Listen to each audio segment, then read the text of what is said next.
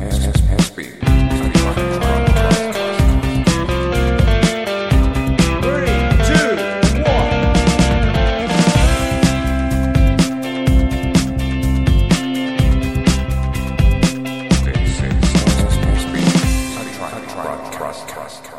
ini uh, kita punya tema yang sangat menarik. Temanya tentang desa Huma Berhati yang nanti akan dibahas bersama Pak Singgih Susilo Kartono.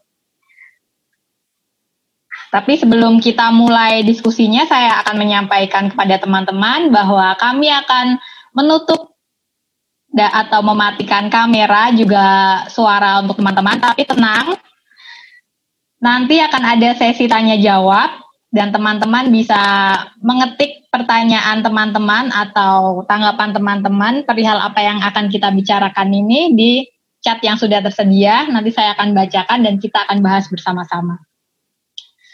Oke, uh, malam ini tema kita adalah Desa Huma Berhati dan narasumber kita adalah Pak Singgih Susilo Kartono. Uh, beliau adalah produk designer yang lulusan ITB tahun 92 aktif dalam pemberdayaan manusia. Beliau juga uh, yang menciptakan radio Magno dan juga sepeda bambu yang diberi nama uh, sepedagi. Pak Singgi ini asli dari dari Temanggung. Beliau lahir di Desa Kandangan Temanggung, Jawa Tengah.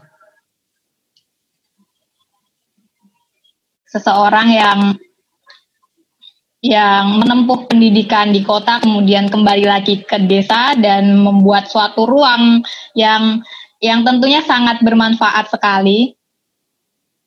Dengan apa yang Pak Singgi lakukan ini, beliau juga mendapatkan banyak sekali penghargaan. Salah satunya adalah penghargaan Good Design Award dari Jepang. Kita langsung sapa saja Pak Singgi ya. Selamat malam Pak Singgi. Hmm. Selamat malam. Terima kasih Mbak Iya. Ya, terima ya. kasih sudah sudah meluangkan waktunya untuk berbagi pengalamannya Pak Singgih malam ini. Ya, dengan senang hati. Iya. Ini menarik menarik sekali Pak buat saya uh, Pak Singgih yang menempuh pendidikan di ITB ya Pak. Hmm. Di ITB kemudian lulus dan kembali lagi ke desa rata-rata uh, orang yang sudah uh, menempuh pendidikan di luar mereka akan mencari karirnya di kota juga. Tapi Pak Sigi ini berbeda memilih untuk kembali lagi ke desa dan membangun sesuatu yang sangat bermanfaat gitu. Uh, salah satunya membuat desain radio magno dan juga sepeda bambu sepeda gitu. Uh, mungkin bisa bisa di dibagikan Pak bagaimana pengalamannya itu. Kenapa bisa bisa uh, akhirnya kembali lagi ke desa dan membuat ruang-ruang yang sangat bermanfaat untuk warga sekitar di sana juga gitu. Dan apa yang apa yang dikerjakan Pak Singgih dan masyarakat di sana.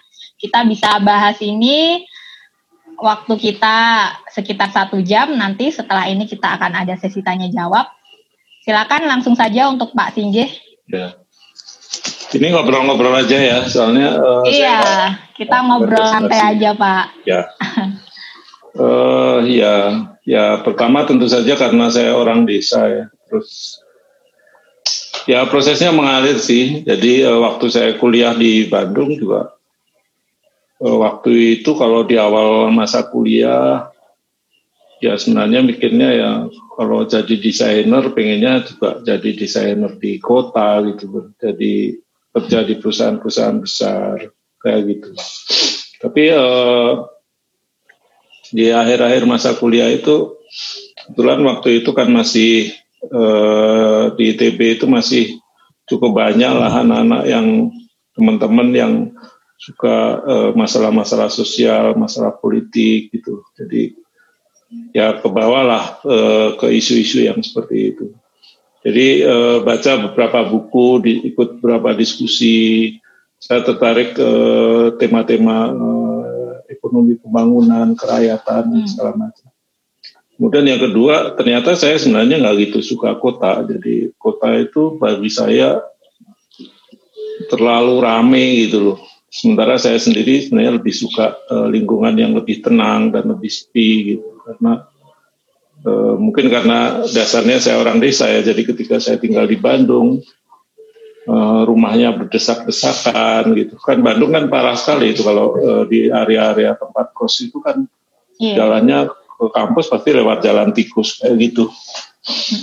Uh, kemudian Ya, eh, karena waktu itu kuliah di Bandung, eh, apa eh, uang kuliah terbatas sehingga eh, waktu pulang kampung tuh jarang gitu loh. Jadi eh, setiap paling satu semester sekali ya. Jadi saya juga melihat eh, perbedaan eh, perubahan-perubahan yang terjadi karena interval yang panjang itu menjadi kelihatan sehingga kemudian menjadi menarik ketika eh, diskusi dengan teman-teman baca-baca buku, uh, melihat fenomena perubahan gitu. Saya mulai melihat ada sesuatu yang ada yang nggak normal di desa. Ya akhirnya kemudian uh, mulailah tumbuh keinginan untuk kembali ke desa ya waktu itu. Karena uh, saya juga lihat bahwa salah satu faktor uh, desa itu tidak maju karena memang anak-anak muda yang punya kesempatan belajar di perguruan tinggi itu kemudian nggak bisa umumnya tidak kembali ke daerah.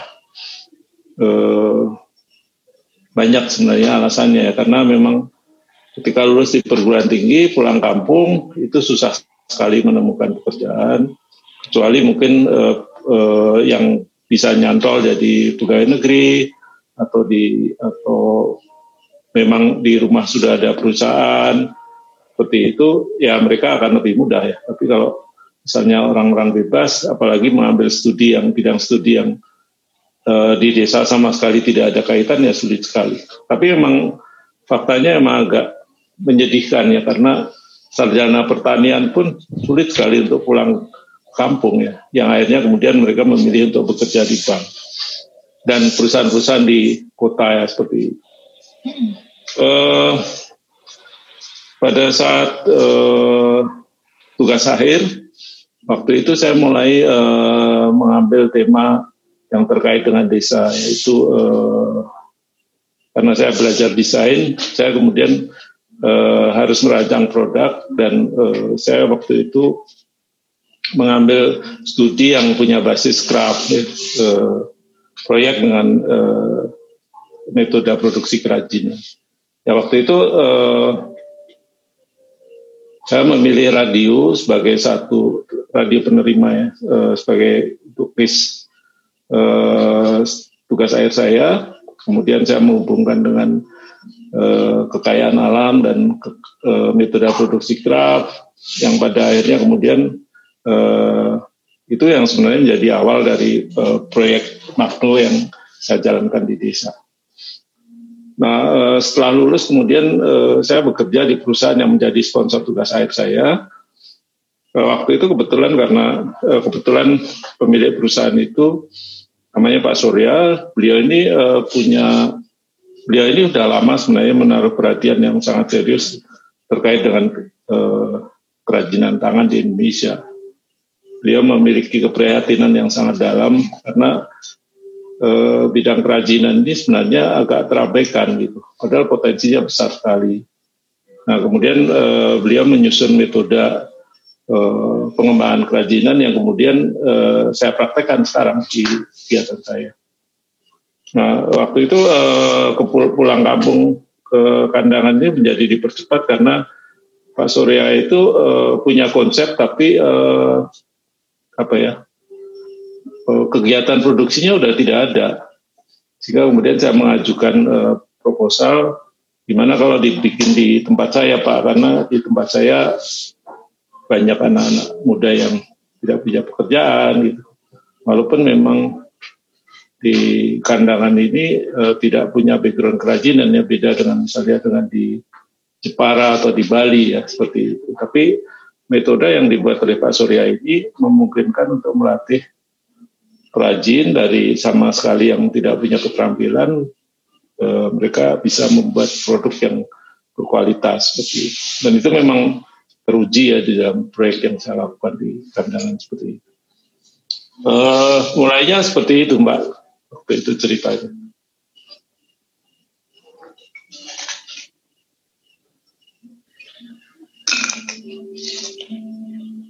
Lalu uh, ketika itu menarik menarik sekali ya. Jadi karena memang rindu dengan suasana di desa yang sebenarnya ketika di kota sudah terlalu penuh, pengen kembali lagi ke desa dan ternyata ada proyek juga yang yang uh, yang ada hubungannya dengan apa yang dikerjakan oleh Pak Singge.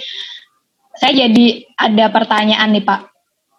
Ketika Pak Singgi melakukan eh, kegiatan-kegiatan uh, itu, bagaimana bagaimana Pak Singgi bernegosiasi dengan masyarakat di sana gitu kan?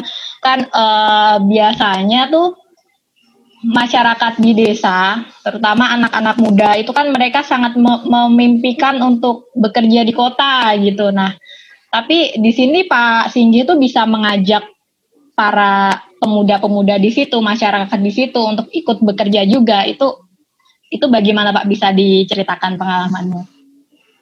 Oh ya, uh, di desa itu kan sebenarnya ada sekelompok anak-anak muda yang mereka tidak uh, bisa sekolah sampai perguruan tinggi. Pilihan mereka ya uh, ada yang memang uh,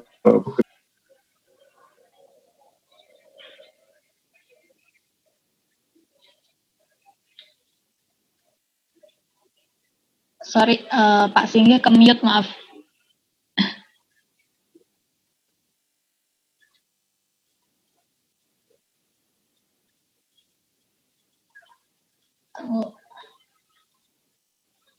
Mas admin bisa dibantu untuk unmute Pak Singgi?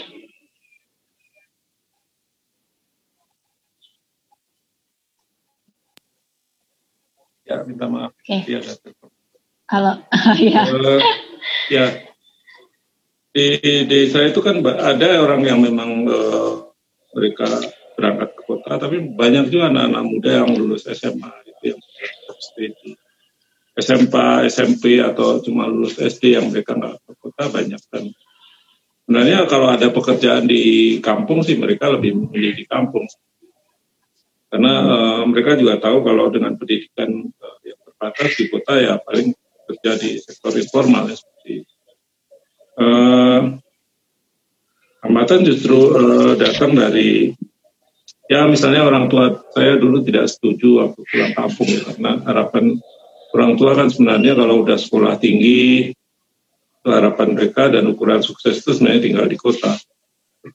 Iya. Uh, kalau masyarakat sebenarnya uh, menurut uh, menurut pengalaman saya mereka sebenarnya welcome ketika kita datang dan mereka melihat uh, ada harapan untuk uh, apa ya uh, perbaikan di situ. Responnya positif sebenarnya. Cuma memang kita sendiri sebenarnya yang harus agak berhati-hati ya ketika kita pulang kampung karena orang yang pulang kampung tuh uh, kalau menurut saya terutama ketika mereka sudah pulang di kota dan tinggal di kota dianggap selalu wah orang yang pulang dari kota itu punya duit gitu uh, itu yang sebenarnya uh, persepsi itu yang menurut saya kita sendiri harus hati-hati. Jadi kalau misalnya kita ke desa, pulang ke desa ya kita harus uh, menjaga seperti itu agar orang-orang yang misalnya kita ajak untuk bekerja bekerja sama itu mereka tidak uh, melihat dari sisi itu, tapi mereka mau untuk belajar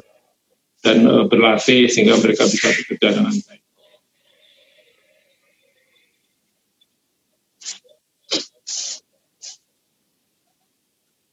Oke. Jadi memang uh, pemuda-pemuda di sana sendiri kalau misalkan ada kegiatan oh, sorry. Halo, sudah terdengar halo, suara saya? Oh, sebentar. Halo. Uh, bentar. Oke. Okay. Halo, sudah. Ya, halo. Halo, sudah terdengar ya, suara saya, Pak? Ya. ya. Bisa ya, oke. Suara saya sudah jelas ya Pak ya? Uh, sebentar, ini ada masalah tadi kayaknya uh, saya nggak pakai Bluetooth. Oh. Jangan Mbak. Ya. Jadi memang sudah ada semangat para pemuda di sana untuk mengerjakan sesuatu yang bisa dikerjakan di desa mereka sendiri ya Pak ya. Sebenarnya mungkin bukan bukan semangat ya, jadi mereka melihat ada peluang lah seperti itu. Hmm. Uh, sebenarnya kalau kita datang ke desa dan kita uh, membuat usaha dan segala macam, mereka responnya akan positif gitu seperti itu. Uh, karena uh, mereka melihat ada, akan ada lapangan kerja buat mereka dan mereka tidak perlu jauh-jauh ke kota untuk atau ke tempat lain ya uh, untuk bisa mendapatkan nafkah seperti itu. Uh, sebenarnya positif. Yang agak berat sebenarnya kalau kita membuat uh, pulang ke desa dan kita membuat kegiatan sosial itu akan lebih lebih lebih sulit ya karena mereka uh, melihatnya kita tidak eh, kegiatan itu eh, tidak langsung memberikan manfaat ekonomi. Nah, yang saya lakukan yeah. pertama sekarang eh, pertama dulu adalah sebenarnya membangun kegiatan usaha. Itu. Jadi lebih lebih mudah sebenarnya. Walaupun tidak langsung berhasil ya sebenarnya, tapi eh, dengan pola seperti itu lebih mudah mengajak eh, anak-anak muda untuk terlibat ya karena eh, seperti memberikan lapangan kerja untuk mereka seperti itu. Oh, kita kembali ke Radio Magno tadi. Waktu kemudian membuat uh, memproduksi Radio Magno sendiri itu bagaimana Pak Singgih dan teman-teman memasarkan itu agar bisa diterima uh, lebih luas lagi Pak? Uh, sebenarnya uh, ada beberapa hal yang mungkin kita perlu uh, perlu cermati ya di dalam ketika kita membuat kegiatan produksi di desa atau di daerah ya. Uh, pertama uh, ada perbedaan standar tentang uh, apa ya kualit, uh, standar kualitas hidup ya. Uh, di desa dan di kota di negara kita dan di negara lainnya sebenarnya ini yang sebenarnya harus dipahami jadi kalau orang desa uh, membuat sebuah produk untuk mereka sendiri, e, mereka standarnya seperti itu, ya memang karena tuntutan kehidupan di desa itu seperti itu. Tapi ketika misalnya orang desa mau membuat produk untuk orang kota, di mana standar hidupnya e, lebih tinggi, katakanlah seperti itu, e, masalah kualitas e, menjadi e, salah satu hal yang penting untuk diperhatikan. Apalagi kemudian ketika kita ingin membuat produk untuk pasar ekspor, terutama yang dituju di negara-negara maju ya mereka punya standar yang berbeda-beda. Sebenarnya apa yang terjadi di desa itu tidak ada yang salah. Jadi ketika mereka kemudian membuat produk uh, dengan presisi yang uh, longgar, maksudnya uh, mereka karena kebutuhan di sana begitu. Tapi uh, kalau kita lihat banyak sebenarnya produk-produk desa yang sebenarnya mereka punya kualitas yang bagus ya. Kalau kita lihat misalnya ranjang bambu, ya. sapu, hmm. sapu untuk nyapu lantai itu mereka punya kualitas uh, mengerja, uh, kualitas craftsmanship yang sebenarnya bagus juga. Bahkan orang-orang lama itu orang masyarakat tradisional mereka juga punya kualitas-kualitas uh, craftsmanship yang cukup tinggi ya seperti itu. Karena uh, pada waktu itu uh, mereka mengerjakan itu uh, ada yang kaitannya dengan masalah kepercayaan, ada kaitannya dengan masalah ritual atau memang uh, warisan dari budaya sebelumnya seperti itu. Jadi tidak semuanya kemudian uh, apa yang ada di desa, apa yang ada di masyarakat tradisional itu kualitasnya jelek enggak juga. Tapi masing-masing sebenarnya uh, punya konteksnya sendiri-sendiri gitu. Nah, ketika uh, waktu saya pulang kampung dan membuat produk untuk pasar ekspor, uh, ini kan ada kesenjangan antara kehidupan sehari-hari orang-orang desa dengan uh, uh, kehidupan masyarakat uh, di mana produk itu akan dijual. Nah ini yang uh, kemudian kita harus memenuhi standar-standar di mereka. Sebenarnya ada lima persyaratan untuk pasar ekspor, lima uh, syarat kualitas di ekspor itu ada lima lima lima lima hal ya. Satu adalah persyaratan tentang kualitas, kedua persyaratan tentang kuantitas. E, kualitasnya tertentu ya, misalnya e, paling sederhana lah. Kalau kita menjual produk dari kayu dan kemudian kita jual di negara empat musim, e, di sana rata-rata kondisi udara itu lebih kering ya, sehingga e, kayu itu harus di oven dan dia punya standar kekeringan tertentu ya. Kalau nggak di oven di sana pecah seperti itu. Nah ini hal-hal seperti ini yang harus diperhatikan ya. Kalau kita membuat uh, kalau di di desa orang menggunakan kayu cukup dikeringkan dengan alam itu tidak ada masalah karena memang kondisi iklim di di kita seperti itu. Di negara maju pun uh, mereka juga me, di negara-negara empat musim mereka juga melakukan hal yang sama karena di di sana kayu ditaruh di luar pun akan jadi kering seperti itu karena kondisi udara yang lebih kering. Tapi kalau kayu itu dari sini dikirim keluar itu harus menyesuaikan kondisi di sana seperti itu. Itu uh, ngomong tentang persyaratan kualitas ya. Tentu saja persyaratan kualitas itu juga bukan hanya masalah material tapi juga kualitas pengerjaan, kualitas-kualitas uh, yang lainnya. Kemudian yang kedua adalah uh, kuantitas. Jadi kita harus bisa memenuhi jumlah uh, kuantitas tertentu karena kalau kita mengirim ke tempat yang jauh uh, itu kan ada hitungan-hitungan uh, biaya keekonomisan. Jadi kalau misalnya jumlahnya sedikit uh, tentu menjadi sangat mahal seperti itu. Kemudian yang ketiga adalah uh, waktu ya. Jadi uh, jadwal pengiriman karena uh, di luar negeri itu kan mereka punya waktu-waktu tertentu untuk memasarkan yang mereka punya jadwal-jadwal dan umumnya uh, mereka sudah berkomitmen dengan para jejaring pasarnya sendiri sehingga kemudian uh, ketepatan waktu pengiriman dari kita yang membuat ini menjadi satu penting satu hal yang penting kemudian yang keempat adalah uh, harga harga yang rasional harga yang masuk akal gitu, tidak kemudian uh, terlalu murah atau kemudian terlalu mahal. Karena uh, semua kos terkait pengiriman dan segala macam itu kan akan masuk ke harga akhir nanti. Jadi harga itu harus masuk akal dan kemudian uh, stab, uh, maksudnya terjaga. Jadi tidak kemudian misalnya kita membuat penawaran sekarang kemudian ketika kita akan mengirim harganya berubah. Jadi harga itu harus harus harus fix seperti itu. Kemudian yang terakhir adalah kontinuitas. Jadi ketika uh, kita membuat produk untuk ekspor, mereka biasanya udah punya rencana jangka panjang, tidak hanya setahun ya bisa uh, sampai lima tahun sehingga kemudian masalah kontinuitas supply itu menjadi yang penting. Nah ini sebenarnya uh, hal-hal seperti ini yang sebenarnya menjadi fondasi ketika kita akan memasarkan produk ke luar Hmm. Eh, bagaimanapun upaya pemasaran itu tidak akan bisa terrealisir ketika barang yang kita buat tidak sesuai dengan standar tersebut. Iya. Dengan uh, proses yang dilakukan tadi dan harus memenuhi lima syarat tadi itu, apakah semua itu dilakukan oleh Pak Singgi sendiri atau punya tim yang memang harus mengurusi ini untuk untuk standar ini standar ini dan apakah tim-tim itu semuanya memang dari Temanggung atau ada yang datang ke situ membantu Pak Singgi? Ya waktu awal uh, waktu awal saya mulai dengan uh, orang lokal ya.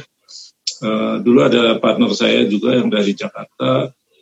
Uh, tapi uh, sejak tahun 2003 saya mulai sendiri uh, ya kami latih jadi orang-orang lokal itu kami latih untuk bisa uh, hmm mencapai standar tersebut.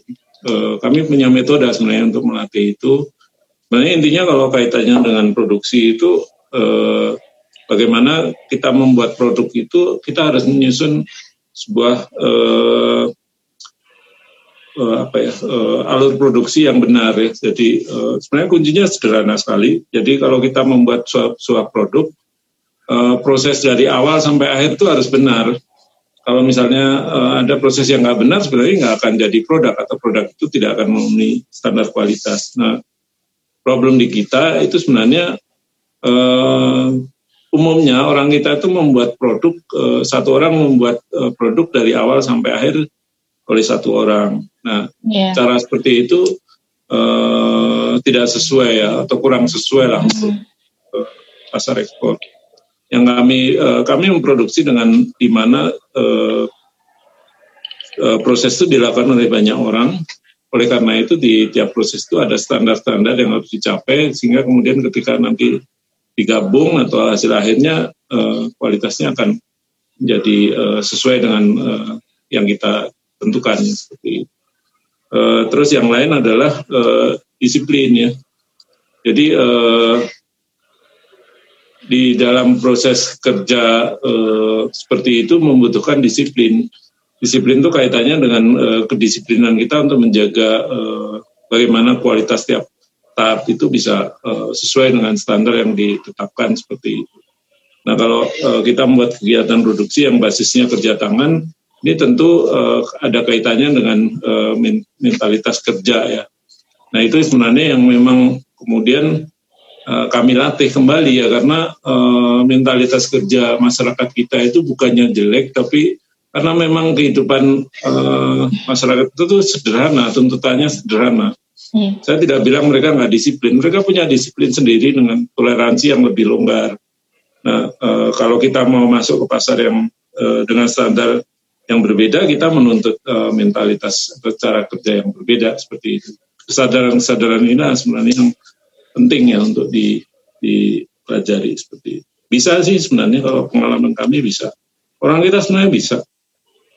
Kalau eh, dari produk Magno maupun produk Sepedagi sendiri kan ini menjadi bukti bahwa kalau kita serius ya bisa orang kita itu bisa gitu karena kita sebenarnya apalagi kalau kegiatan eh, kegiatan-kegiatan yang basisnya kerja tangan karena memang pada dasarnya orang kita itu masih masih bekerja dengan tangan yeah. membuat produk dengan tangan itu masih keseharian kita seperti itu. Iya, tentunya itu semua bisa dilakukan dengan melatih kedisiplinan kita ya, Pak. Ya, ya, betul. Sebenarnya kalau dalam kehidupan sehari-hari, eh, apa yang saya lakukan dan kegiatan di tempat kami itu sama aja seperti ibu-ibu memasak atau bapak-bapak membuat produk di desa. Misalnya, hmm. kalau bapak-bapak membuat eh, katakanlah apa ya, keranjang lah, keranjang bambu gitu loh kan mereka pasti paham itu bambu uh, usia apa atau jenis apa yang sebenarnya sesuai ya. Bambu untuk membuat keranjang bambu mereka pasti nggak akan menggunakan bambu betung mereka akan menggunakan bambu uh, apus yang yang uh, yang lebih lentur seperti itu. Kemudian bambu umur berapa yang cocok ya untuk membuat keranjang bambu? Uh, mereka akan memilih bambu yang tidak terlalu dua tidak tidak terlalu tua ya agar lebih mudah dianyam seperti itu. Kemudian ada eh, proses-proses uh, di mana mereka paham betul ya bambu yang baru ditebang umumnya tidak bisa langsung dipakai. Jadi dia ditunggu uh, dilayukan lah istilahnya itu baru dibelah-belah. Kemudian proses pembelahan itu juga ada caranya, ada metodenya, ada alatnya juga. Cuma memang di uh, kehidupan tradisional itu kan eh, terutama di Indonesia, ini mereka selalu menggunakan alat-alat yang serbaguna. Jadi alatnya itu yeah. tidak sangat spesifik. Misalnya golok, golok tuh bisa untuk motong, bisa untuk belah, bisa untuk sisik-sisik dan yeah. segala macam lah seperti itu. Satu alat untuk uh, semua hal gitu ya. Ya, tidak terlalu detail lah. Mm-hmm. Nah, kalau di kegiatan uh, yang apa yang saya lakukan kami itu setiap setiap proses itu akan selalu ada eh, pertama tentu gambar dan standar ya, kemudian kedua ada alat bantu, yang ketiga ada eh, SOP proses, jadi harus dilakukan ah, eh, prosesnya apa dulu, setelah ini apa, setelah ini apa seperti itu. Nah sama kayak ibu-ibu kalau dia memasak, eh, ini aktivitas sehari-hari sebenarnya. Jadi kalau dia memasak misalnya eh, mau memasak nasi lah, itu yang paling sederhana kan sebenarnya. Eh, ibu-ibu akan tahu kalau nasi kalau berasnya ini takarannya airnya akan sekian gitu. Walaupun ada standar misalnya air eh, satu ruas jari di atas gas gitu loh kemudian eh, dia harus diproses seperti apa. Kalau kalau sekarang orang pakai rice cooker lebih lebih mudah lagi. Kalau dulu kan orang nggak pakai rice cooker. Jadi yeah. mereka paham betul cara seperti itu. Kemudian juga memasak masakan ya kan ada banyak proses yang berbeda-beda, bumbunya berbeda-beda, bahannya berbeda-beda. Ada yang pakai santan, ada yang tidak.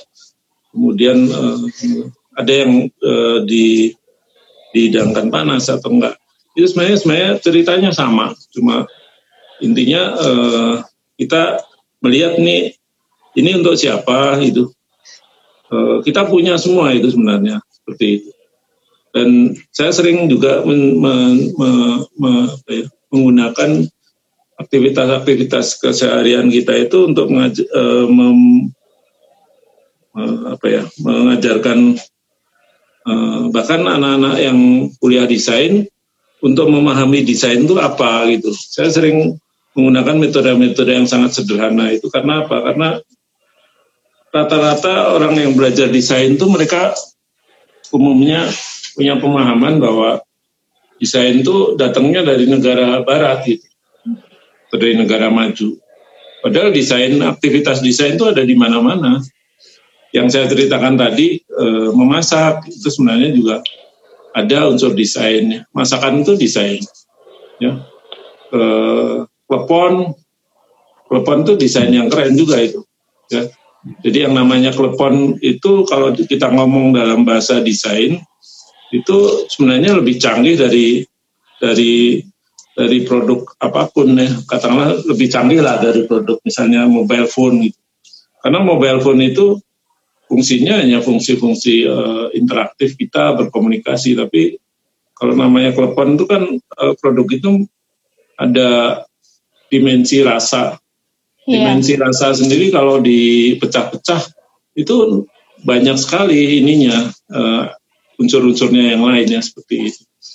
Kemudian eh, yang namanya makanan dia masuk ke tubuh kita. Jadi ada kaitannya dengan masalah kesehatan, ada kaitannya dengan eh, banyak hal ya, seperti itu. Ya eh, saya melihat sebenarnya eh, kita itu punya banyak sekali eh, punya banyak hal. Eh, bahkan eh, saya sering lihat bahwa apa yang ada di sekitar kita itu sebenarnya uh, ses, banyak uh, sesuatu yang punya nilai-nilai uh, maju gitu dan nilai-nilai unggul gitu Cuma karena itu sudah sehari-hari jadi sangat biasa sehingga kita tidak melihatnya sebagai sesuatu yang ya. unik atau sesuatu yang baru atau sesuatu yang berharga. Ya kalau udah biasa biasanya kan jadi bosen dan ya, apalagi kalau dibandingkan dengan sesuatu yang dari luar yang kelihatannya keren gitu kita jadi prior gitu kayak gitu. Tadi uh, membicarakan bahan baku juga. Kalau bahan baku untuk pembuatan radio magno dan sepedagi ini, apakah memang selalu ada di Temanggung atau Pak Singgi dan kawan-kawan sendiri juga harus membutuhkan dari luar juga untuk bahan bakunya? Kalau bahan baku sebenarnya kan eh, kayu dan bambu yang saya pakai ya dari iya. lokal yeah. ya walaupun kami juga menggunakan komponen-komponen yang dari luar juga dari uh, kami dapatkan hmm. dari kota juga karena uh, hmm. elektronik itu kan kita juga uh, beli dari industri elektronik uh, part dari sepeda kita juga cari dari uh, produsen uh, part sepeda ya seperti itu tapi kalau misalnya bahan yang terkait dengan bahan yang lokal misalnya bambu ya bambu sih gampang bambu. ya cuma kalau kayu ini, kayu itu sebenarnya eh, ada di sekitar kami, cuma karena kebutuhan kami tidak banyak, eh, kayu ini kan tidak bisa ditebang langsung dipakai, dia harus diproses, dia harus di oven ya. Eh, eh kami eh, membelinya dari daerah lain, tapi tidak tidak tidak jauh juga sih sebenarnya, dari masih dari Jawa Tengah ya. Uh, kalau kebutuhan kami besar sih sebenarnya kami bisa memproses sendiri cuma jadi terlalu mahal juga kalau kita kebutuhan kita sedikit. Kan di sekitar kandangan tempat saya itu ada uh, hutan pinus juga gitu karena kami menggunakan pinus. Kemudian kayu sonokling juga ada cuma sekarang ini kayu sonokling juga relatif uh, agak sulit karena kayu sonokling yang tumbuhnya lama ini uh, sudah cukup lama digunakan untuk industri-industri yang boros bahan, uh, sehingga kemudian uh, uh, menjadi langka ya karena uh, pertumbuhan dan uh, uh, kecepatan pertumbuhan dan penebangannya lebih cepat penebangan. Saya sendiri sebenarnya nanam kalau sono keling, jadi waktu itu sih kepikiran uh, jadi saya sadar ketika kami menggunakan kayu itu seperti kita ya. panen duluan gitu loh. Jadi uh, kita bisa menggunakan kayu karena sebenarnya ada yang menanam lebih dulu. Nah, orang yang menanam itu sebenarnya juga mereka tidak tahu ini menanam untuk siapa gitu. Jadi saya merasa bahwa hmm. wah bersyukur banget nih udah ada kayu gitu. Kan kita nggak bisa mulai dari kalau kita mau membuat produk dari kayu kita nggak nggak bisa nunggu nanam dulu kemudian iya, baru harus ya. menunggunya bertahun-tahun kemudian baru bisa produksi ya. Ya, nah karena itu kemudian waktu itu uh, kami memutuskan juga untuk uh, menanam uh, dengan tujuan mengganti apa yang kita pakai dan menggantinya dengan jumlah yang lebih wow. banyak.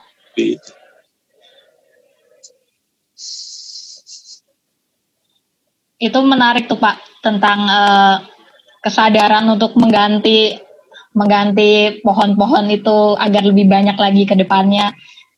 Nah, uh, pernah nggak Pak Singgih itu mengalami uh, apa kesulitan ketika membutuhkan bahan baku terutama kayu dan bambu itu pernah nggak berada di titik seperti itu?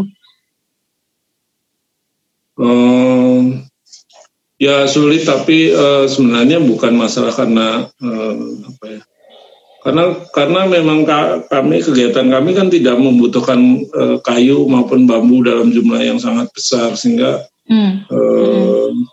tidak tidak ya tidak, pernah mengalami kesulitan misalnya nyari sonokeling kayu sonokeling itu kan sekarang harganya tinggi sekali dan yeah. karena uh, menjadi langka ya seperti itu tapi ya kalau kami sendiri lebih fleksibel ya artinya kalau nggak ada sonokeling kita bisa menggunakan uh, kayu lain yang punya karakter uh, mendekati atau kita memang membuat penyesuaian di dalam desain karena desain kan yang buat saya sendiri, kami sendiri gitu. Jadi itu lebih lebih mudah. Tapi kalau bambu sebenarnya tidak ada masalah karena bambu itu kami menggunakan bambu juga tidak tidak sangat banyak. Satu batang bambu petung itu bisa buat frame sepeda 5 sampai 7 buah. Jadi kalau kita produksinya sebulan eh, 20 atau 25 frame ya kita nggak butuh banyak bambu petung sebenarnya kayak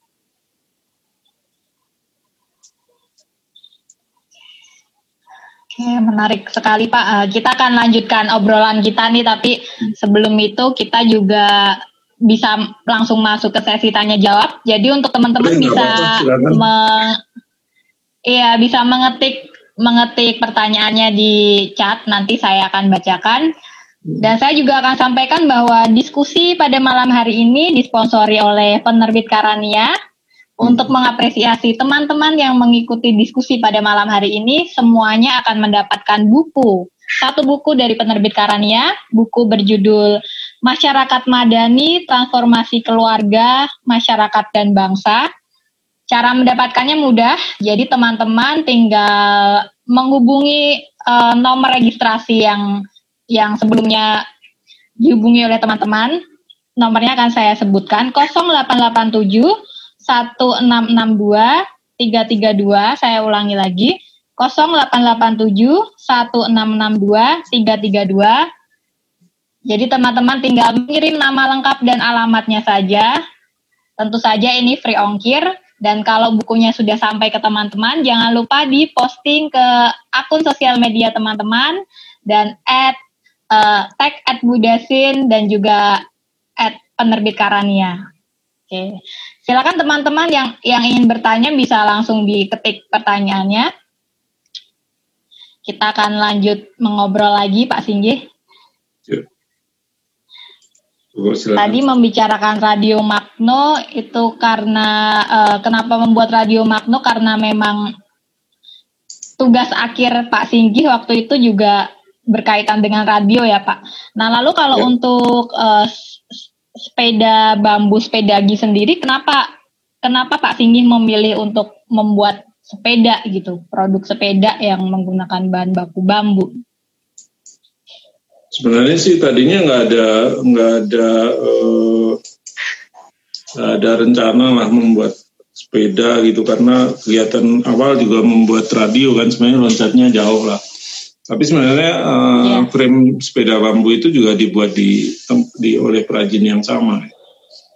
Jadi waktu itu uh, proyek Magno ini sebenarnya uh, bagi saya cukup apa ya uh, berhasil pada satu sisi uh, saya bisa membuktikan bahwa kalau kita serius dengan desa kita sebenarnya bisa membuat produk yang berkualitas ya seperti itu. Dan proyek Makro ini sebenarnya uh, melebihi apa yang sebenarnya saya ingin capai waktu awal ya karena kemudian uh, produk-produk Makro ini mendapat apresiasi dan uh, tersebar sangat luas ya di di global ya. Waktu itu kami memang pengen uh, ekspor dan karena pengen ngerasain lah bis, bis kayak apa sih bikin produk yang berkualitas seperti itu. Uh, tapi uh, kalau uh, kembali melihat dari niat saya kembali ke desa, sebenarnya kan bukan hanya membuat produk ya dan buat perusahaan, nah, seperti itu. Saya ingin saya, saya uh, tahu bahwa sebenarnya desa itu satu bagian penting dari kehidupan di negara kita. Dan saya saya melihat uh, dengan kepala sendiri dan saya paham bahwa ada masalah-masalah yang serius di desa ya. Yang uh, bukan hanya kaitannya dengan masalah ekonomi yang seperti dalam proyek pertama yang saya lakukan. Dan uh, sejak awal memang dari sejak saya pulang kampung saya banyak berinteraksi dengan teman-teman di desa banyak juga melibatkan diri di beberapa kegiatan di terutama membantu pemerintah desa memberikan masukan dan kritikan dan segala macam lah seperti itu. Nah, eh, mulailah eh, muncul kegelisahan ya. Ini apalagi yang harus saya kerjakan sehingga eh, saya bisa hmm. memberikan kegiatan saya memberikan dampak yang lebih luas itu ke masyarakat, tidak hanya memberikan lapangan kerja ke sejumlah orang seperti yang dilakukan di proyek Magna. Nah, kebetulan waktu itu eh, tiba-tiba uh, saya dapat uh, apa ya, uh, saya cek kesehatan saya ternyata saya mulai kolesterol tinggi gitu. Nah ini cukup kaget buat saya gitu karena saya nggak menyangka itu di uh, bisa kena kolesterol gitu karena saya hidup di desa dan tapi memang dulu saya nggak suka olahraga sih. Kemudian uh, saya coba cari informasi di uh, gimana sih cara nurunin kolesterol dan saya melihat uh, olahraga dan bersepeda itu menjadi salah satu. Dulu saya nggak suka olahraga karena olahraga itu bikin capek gitu loh. Jadi saya nggak suka capeknya gitu. Ya kadang olahraga sebentar tapi nggak bisa continuous gitu. Nah kebetulan waktu saya bersepeda itu eh, ya secara tidak sadar saya itu bawa kamera. Jadi eh, kegiatan bersepeda itu menjadi tidak membuat saya capek karena banyak hal yang menarik ya di desa itu. Dan saya milih trek pedesaan sebenarnya. Sehingga eh, kegiatan bersepeda itu menjadi tidak tidak membuat capek karena eh, ketika saya memotret sebenarnya saya juga istirahat seperti itu dan hmm. foto-foto itu saya share ke keluarga dan keluarga kemudian ikut uh, kegiatan saya bersepeda. Jadi kegiatan bersepeda itu cukup menyenangkan ya seperti itu. Tapi saya sendiri juga melihat bahwa apa ya kadang-kadang uh, kalau kita memang serius dengan suatu hal itu ya mungkin ya kayak saya sih percaya mungkin Tuhan dengarlah kegelisahan saya gitu loh. Dan Tuhan tuh kadang-kadang ngasih tahu kita dengan cara yang yang humor gitu loh. Kayak gitu saya dikasih yeah. kolesterol ya untung aja aku paham gitu jadi saya jalanin kayak gitu gitu kan kebayang saya tuh nggak suka olahraga waktu itu jadi kemudian uh, jadi senang olahraga dan uh, kemudian saya mulai tertarik dengan produk sepeda ya karena sepeda ini kan kalau dari seorang yang punya profesi desain sepeda itu unik ya karena ya dia cuma punya dua roda tidak ada mesin bisa membuat kita pergi lebih jauh dan sedikit lebih cepat dan menyehatkan kita gitu dan antara sepeda dan radio ini sebenarnya mirip mirip sekali ya karena kedua produk ini kan sebenarnya produk yang udah sangat major gitu, udah udah yeah. Udah mentok lah mau diapain lagi itu. Dan keduanya itu sempurna karena ketidaksempurnaannya. Jadi radio itu kan nggak punya gambar. Dan yeah. itu menjadi teman bagi seseorang. Jika kita mendengar kita bisa mendengar sambil bekerja. Kita bebaslah membayangkan penyiarnya itu seperti apa yang kita bayangkan. Ya misalnya kalau penyiar perempuan eh, suaranya seperti ini mungkin si akan membayangkan wah ini rambutnya keriting nih rambutnya lurus atau apalah orangnya cantik atau seperti apa ya seperti itu e, karena memang tidak ada gambar jadi memberikan ruang imajinasi yang lebih lebih bebas ya seperti itu. Sepeda juga ya, seperti benar. dia tidak punya mesin sehingga justru membuat orang itu sehat dan ya bagi saya menarik ya karena di kehidupan yang sangat yang seperti sekarang itu kadang-kadang susah untuk bilang cukup ya. Dan sepeda itu saya lihat sepeda maupun radio itu sebenarnya sebuah produk yang menggambarkan tentang apa itu cukup gitu. Ya kalau menurut saya sepeda itu cukup. Karena uh, dia bisa membuat kita pergi lebih jauh dan lebih cepat ya. Tapi juga memberikan kesehatan bagi kita gitu, dan keamanan bagi kita seperti itu. Nah dari situlah kemudian uh, saya mulai browsing di internet dan saya kaget karena uh, menemu, saya menemukan sepeda bambu ternyata sudah dikembangkan di negara-negara yang sebenarnya nggak punya bambu di Eropa wow. dan di Amerika seperti itu. Ya saya sendiri kan profesinya desainer. Kemudian kedua uh, saya tiap hari urusannya dengan kerajinan di mana produk-produk yang dibuat produk sepeda bambu yang dibuat di negara-negara yang nggak punya bambu itu juga dikerjakan dengan metode kerajinan itu handmade produk. Kemudian uh, ya bambu melimpah lah ada di mana-mana. Jadi saya sebenarnya bisa bikin gitu. Ya waktu itu kemudian ya akhirnya saya putuskan untuk mulai mengembangkan walaupun memang tidak sesederhana itu ya. Itu tahun 2000 mulai tahun 2013 awal lah prosesnya sebenarnya cukup panjang ya karena saya baru bisa menemukan desain yang mendekati apa yang saya produksi sekarang itu sekitar tahun 2015 2016 ya jadi ada sekitar dua tahunan lah uh, uh, developingnya seperti itu. Lalu untuk uh, sepedagi sendiri itu apakah warga warga di kandangan sendiri juga memakai produk itu, Pak?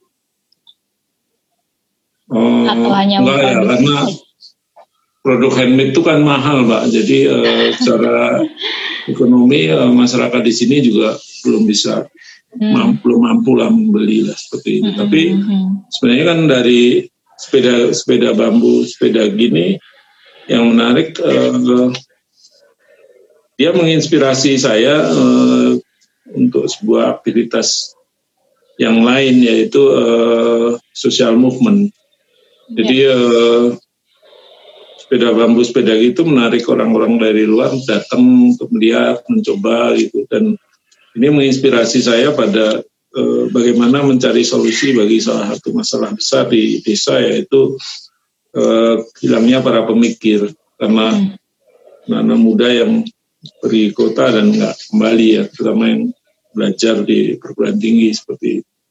Nah di antara yang datang itu saya lihat uh, banyak uh, mereka yang punya pendidikan baik, punya profesi baik gitu. Jadi saya pikir uh, ini uh, salah satu uh, apa ya? Mungkin ya tadi yang saya bilang uh, ini mungkin petunjuk bagi saya untuk uh, mendapat jalan bagaimana saya membuat kegiatan yang punya dampak yang uh, meluas ke desa ya seperti itu.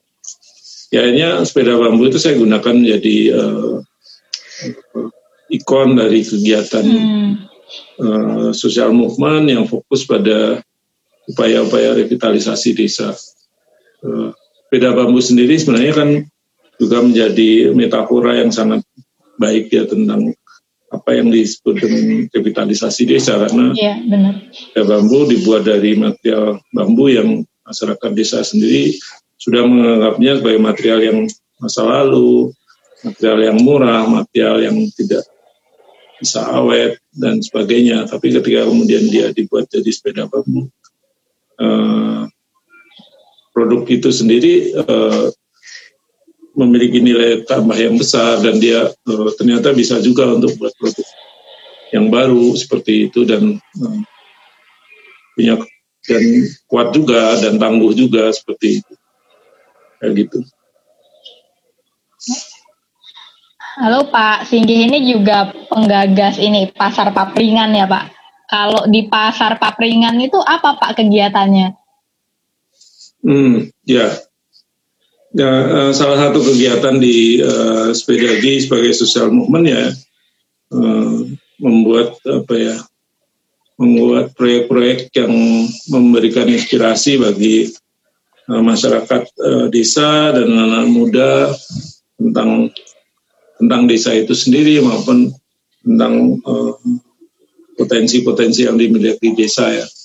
Pasar Papringan sebenarnya satu uh, eksperimentasi tentang bagaimana kita bisa melihat apa yang ada di sekitar kita itu sesuatu yang bernilai bahkan apa yang di dekat kita itu sebenarnya masa depan kita atau atau dia punya value masa depannya. Kalau kita lihat bambunya sendiri kan bambu itu kan tanaman yang punya banyak sekali uh, keistimewaan.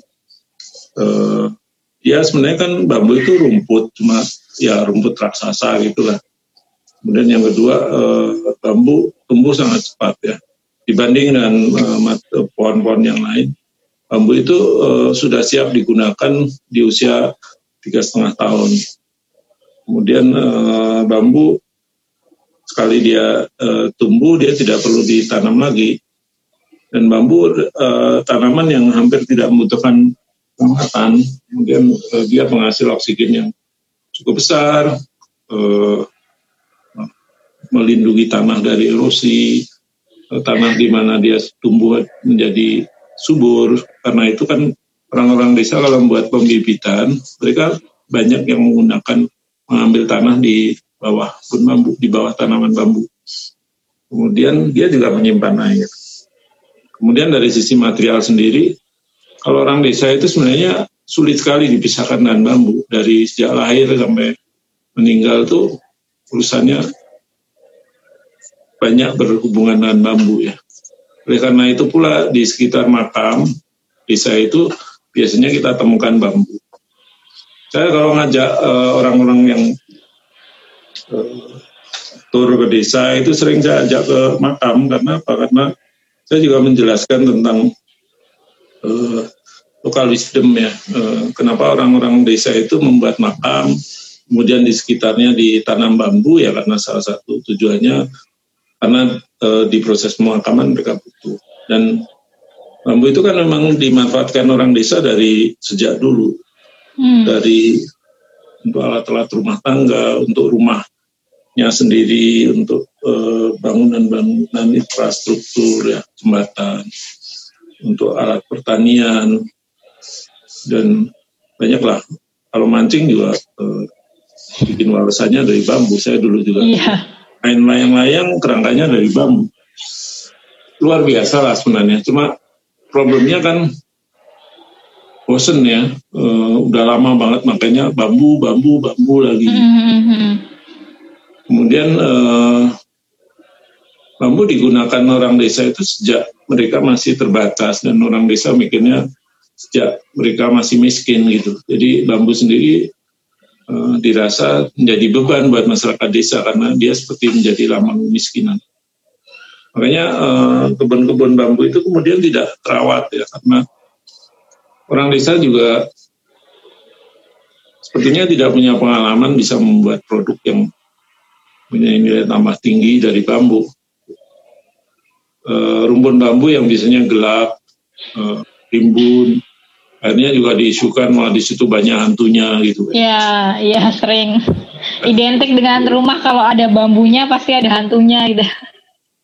Eh, kemudian eh, jadilah dia tempat sampah, digusur mm -hmm. dan segala macam.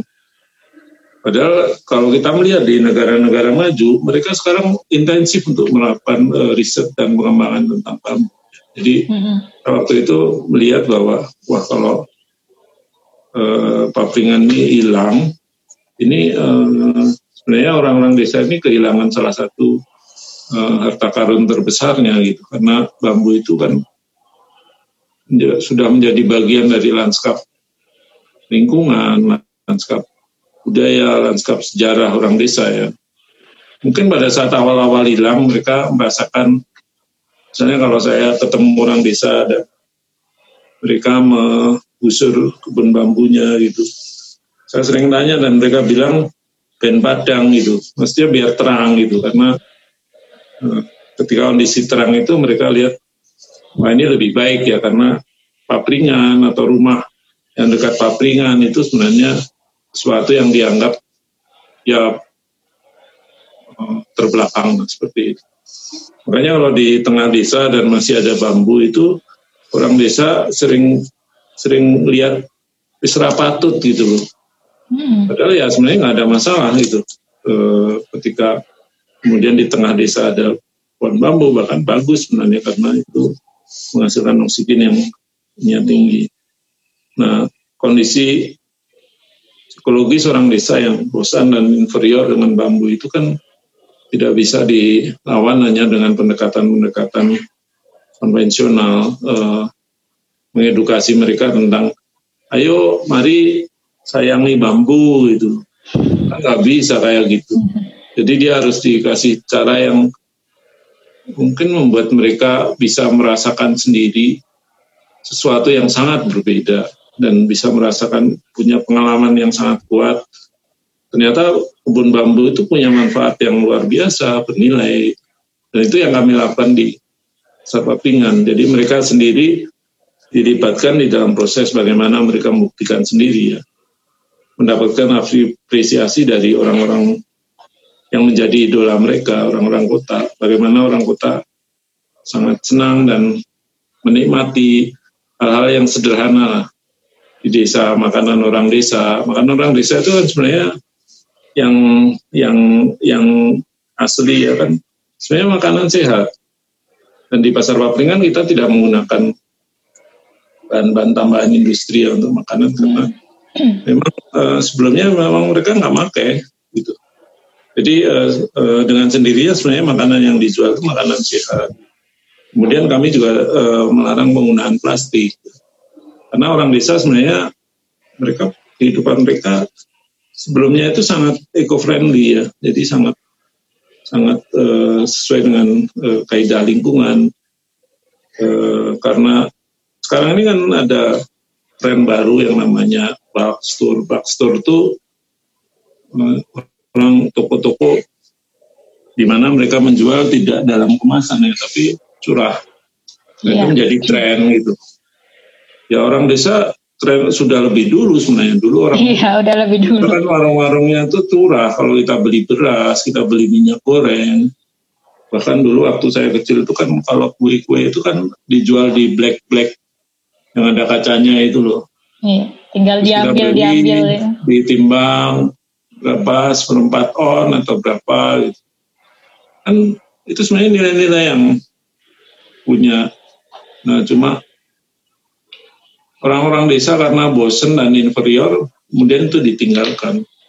Nah kegiatan-kegiatan sepeda gitu sebenarnya salah satunya adalah bagaimana eh, menginspirasi orang dan anak-anak muda untuk bisa melihat bahwa eh, apa yang ingin kita tinggalkan itu sebenarnya masa depan kita.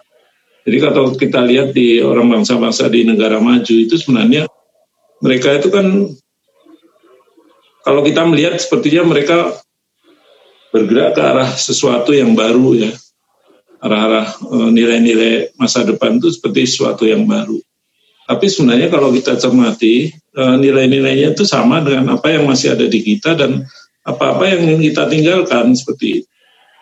Eh, Nah, ini sebenarnya penting bagi kita agar jangan sampai kita mengajar ketertinggalan, tapi sebenarnya kita meninggalkan masa depan. Masa depan. Jadi pada satu titik bisa jadi kita sampai ke apa yang kita anggap sebagai masa depan, tapi itu sebenarnya uh, titik di mana sudah menjadi masa lalu lagi. Jadi kita tidak pernah setara dengan bangsa-bangsa maju itu. Itu. Catatan yang menarik itu Pak. Kita sebenarnya meninggalkan masa depan. Ini oh, iya? ada ada ada ada pertanyaan Pak. Ya, silakan. Uh, selain mengembangkan Magno, Sepedagi dan Pasar Papringan, adakah rencana pengembangan produk lainnya Pak? Uh, saya nggak tahu kalau produk ya karena saya sebenarnya desainer yang nggak pernah bikin riset pasar. Jadi saya sebenarnya uh, sesuatu yang me, me, apa ya, me, mendorong saya maju bergerak ke depan itu sebenarnya uh, semuanya bisa ditarik dengan satu kata yaitu desa. Jadi semua yang terkait dengan isu desa itu menjadi uh, benang merah dari semua kegiatan saya. Sebenarnya saya membuat tadi kan saya sudah ceritakan saya tidak punya angan-angan bikin sepeda bambu saya juga nggak perlu membuat riset tentang produk apa yang mau saya kembangkan.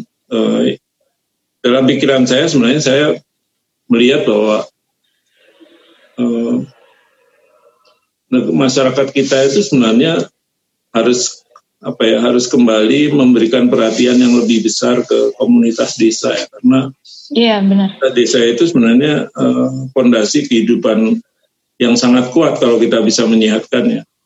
Jadi seperti yang sekarang ini kan Indonesia itu bergerak ke industri. Padahal uh, era industri itu sudah ditinggalkan oleh para perintis ya negara-negara maju itu mereka bergerak ke, ke sesuatu yang sebenarnya kita ingin kita tinggalkan seperti. Nah termasuk desa-desa ya sebenarnya. Jadi uh, sekarang ini dengan COVID-19 ini uh, kita bisa melihat bahwa orang-orang desa itu hampir seperti tidak kena dampak karena apa? Karena mereka uh, hidup uh, masih punya uh, hubungan langsung dengan kegiatan pertanian, penghasilan pangan langsung. Betul. Di desa sebagian besar masyarakat tinggal di rumah mereka sendiri ya nggak usah bayar sewa rumah gitu. Kemudian biaya hidup yang masih rendah seperti itu sehingga orang kota pun yang kemudian kehilangan pekerjaan dia Eh, tidak bisa kembali. ke tempat lain kecuali kembali ke desa. Jadi ini kan harusnya mengingatkan kita semua bahwa seharusnya kehidupan bernegara di kita itu basisnya adalah atau pondasinya adalah negara-negara eh, desa-desa yang sehat ya, desa-desa yang kuat, desa-desa yang maju, sejahtera, mandiri, lestari seperti itu.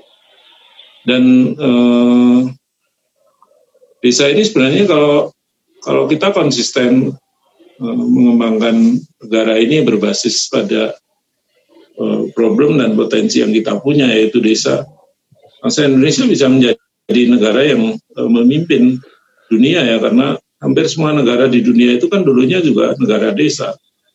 Kemudian mereka juga punya masalah dengan desa ya sekarang. Beri contoh di Jepang.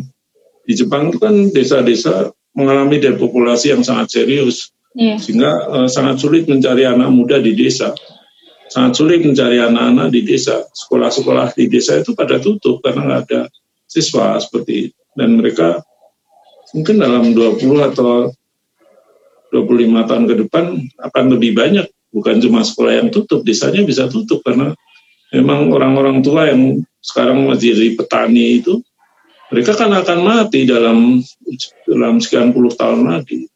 Kalau nggak ada generasi muda yang kembali ke desa ya desa itu akan tutup seperti itu. Iya. Sementara kota sebenarnya kan sangat tidak sesuai dengan nilai-nilai uh, yang ingin dituju oleh bangsa-bangsa di dunia yaitu keberlanjutan kehidupan. Nah kalau kita ngomong tentang keberlanjutan kehidupan, PBB misalnya mereka punya program SDGs ya, Sustainable Development Goals, itu sebenarnya juga nggak akan terrealisir kalau semua orang masih memilih berjubel hidup di des, di kota seperti itu.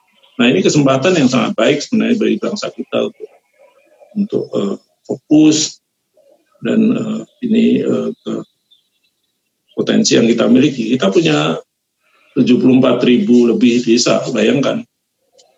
Sangat-sangat uh, besar ya sebenarnya.